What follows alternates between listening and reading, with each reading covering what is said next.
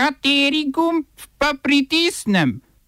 Tisti, na katerem piše OF.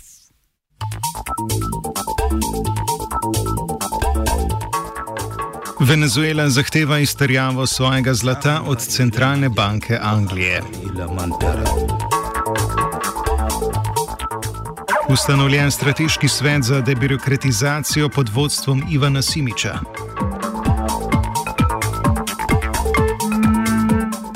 Vrnitev Tržaškega narodnega doma slovenskim društvom. Državno tožilstvo vložilo obtožnico v primeru TEŠ-6.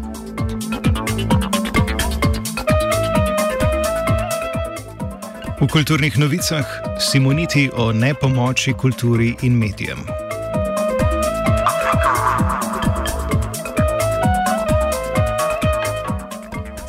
Venezuelska centralna banka je na trgovinsko sodišče Združenega kraljestva naslovilo zahtevo za izterjavo centralne banke Anglije. Zahtevajo namreč izplačilo 930 milijonov evrov vrednega zlata, ki ga Venezuela hrani v banki Anglije. Zlato bi prek mehanizmov Združenih narodov romalo v namen zajezitve krize, ki jo je povzročila epidemija. Že prejšnji mesec so venezuelske oblasti zaprosile Banko Anglije, da odproda del venezuelskega zlata, a banka prošnje ni uslišala, saj Nikolasa Madura ne priznava kot legitimnega predsednika države. Na podoben način banka že dve leti blokira unovčitev 31 ton venezuelskega zlata. To pa je eden izmed redkih načinov, kako bi Venezuela lahko prebrodila krizo, ki jo povzročajo notranja politična neskladja, sankcije Združenih držav Amerike in trenutno javno zdravstveno stanje.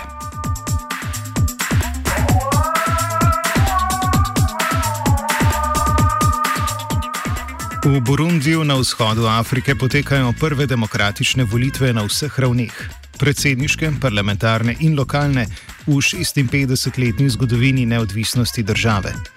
Trenutni predsednik Pierre Nkurunziza iz, svet, iz stranke Narodni svet za obrambo demokracije, Sile za obrambo demokracije, po treh mandatih ne kandidira. Zamenjal ga je upokojeni general Evariste Ndajšimi. Tej potezi so verjetno potrovali množični nasilni protesti ob predsednikovi kandidaturi pred petimi leti, ki so se končali z več kot tisočimi smrtnimi žrtvami. Nasproti vladnemu kandidatu stojijo predstavniki iz šestih opozicijskih strank, a jim odsotnost mednarodnih opazovalcev, ki jim trenutna oblast nikakor ne zaupa, in poročila o nasilju med voljivci v času kampanje ne ulivajo prevelikega upanja za uspeh.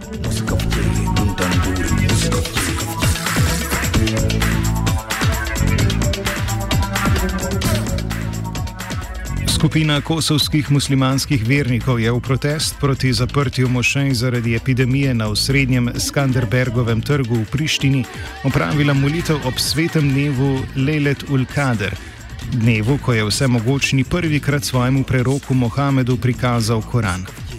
Molitev je potekala v skladu z varnostnimi predpisi, protestniki niso pripravili zahtev za oblastnike, temveč si želijo, da bi jim Allah čim prej omogočil odprtje molilnic.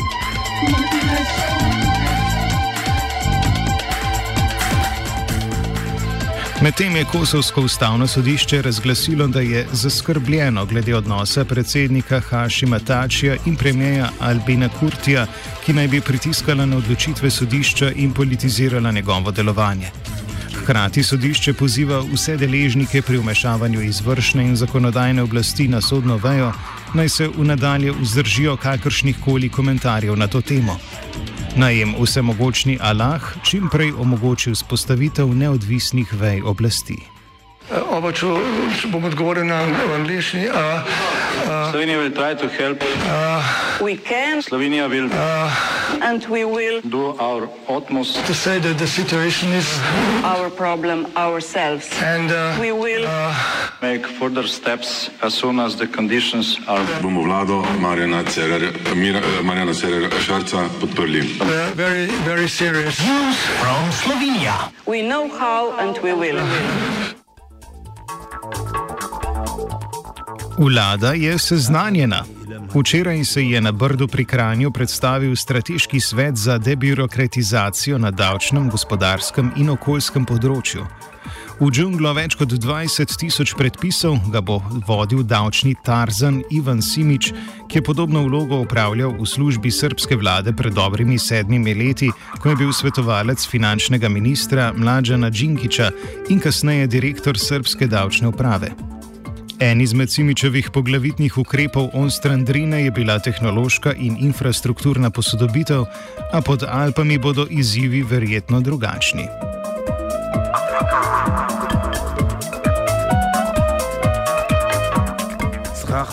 Redakcijski strokovnjak za nogometne prestope sporoča, da se prestopni rok prve slovenske politične lige še vedno ni zaključil. Medtem ko naj bi se razburkane vode v Desusu že pomirile, je iz stranke modernega centra izstopilo deset članov iz Kopra in Ankarana. Razloge za odhod lahko nestrukturirano na socialnih omrežjih beremo že dobre dva meseca, a jih vseeno naštejmo.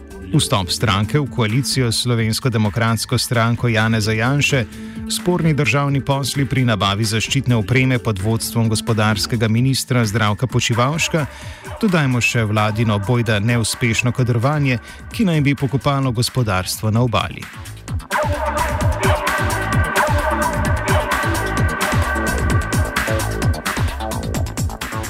Na sosednjem Hrvaškem, poleg rdečega alarma v prihajajočih nevihtah, na lepi njihovi obali odzvanja tudi črni alarm v vladajoči Hrvaški demokratski stranki, ljubkovalno HDZ. Zapuščajo eden vodilnih populistov stranke, vukovarski župan Ivan Penava, ki se bo pridružil domovinskemu gibanju pod vodstvom Miroslava Disibija, kad je grmilo Škora. HDZ-evi epidemiološki strokovnjaki že računajo verjetnost drugega vala odhodov iz stranke, ki bi ga lahko povzročila nedavna poteza Penave.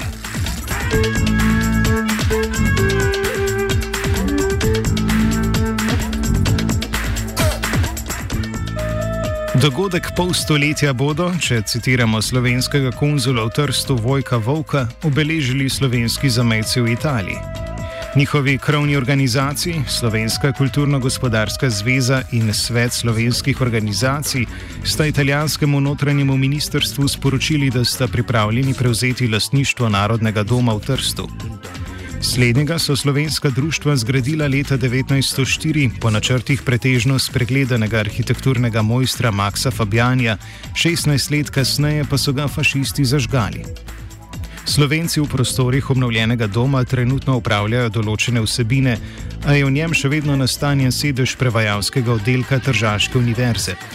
Simbolna premo predaja bo predvidoma potekala 13. julija, točno ob stoletnici požiga pod okriljem italijanskega predsednika Sergija Mattarele in slovenskega Boruta Pahorja.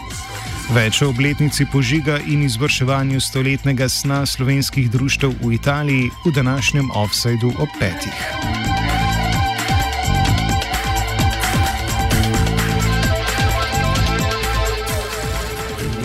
Petkovi rekreativci, kaviar, kolesarji, če hočete, so dobili razlog, da svoje protestne cilje kaznovanja nečednih državnih poslov razširijo na preteklo in morebitno prihodnjo oblast.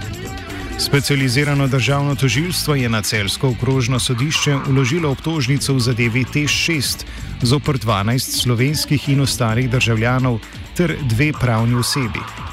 Neuradno naj bi šlo za nekdanjega direktorja Teša Uroša Rotnika, vodjo projekta Bojana Brešarja, lobista Petra Kotarja, direktorja podjetja CEE e Boštjana Kotarja, vodjo prodaje elektrarn v družbi Almstom Power Franka Lemana njegovega sodelavca Jozefa Rejsla, finančnega strokovnjaka Bogdana Pušnika, davčnega svetovalca Darka Končana in še tri zaposlene pri Tešu.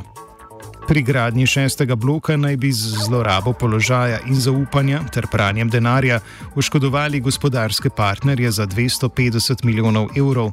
Poleg tega pa je celotna vrednost projekta z načrtovanih 650 milijonov skočila na skoraj milijardo in pol evrov čakamo na transparente z napisi Smrt tešizmu.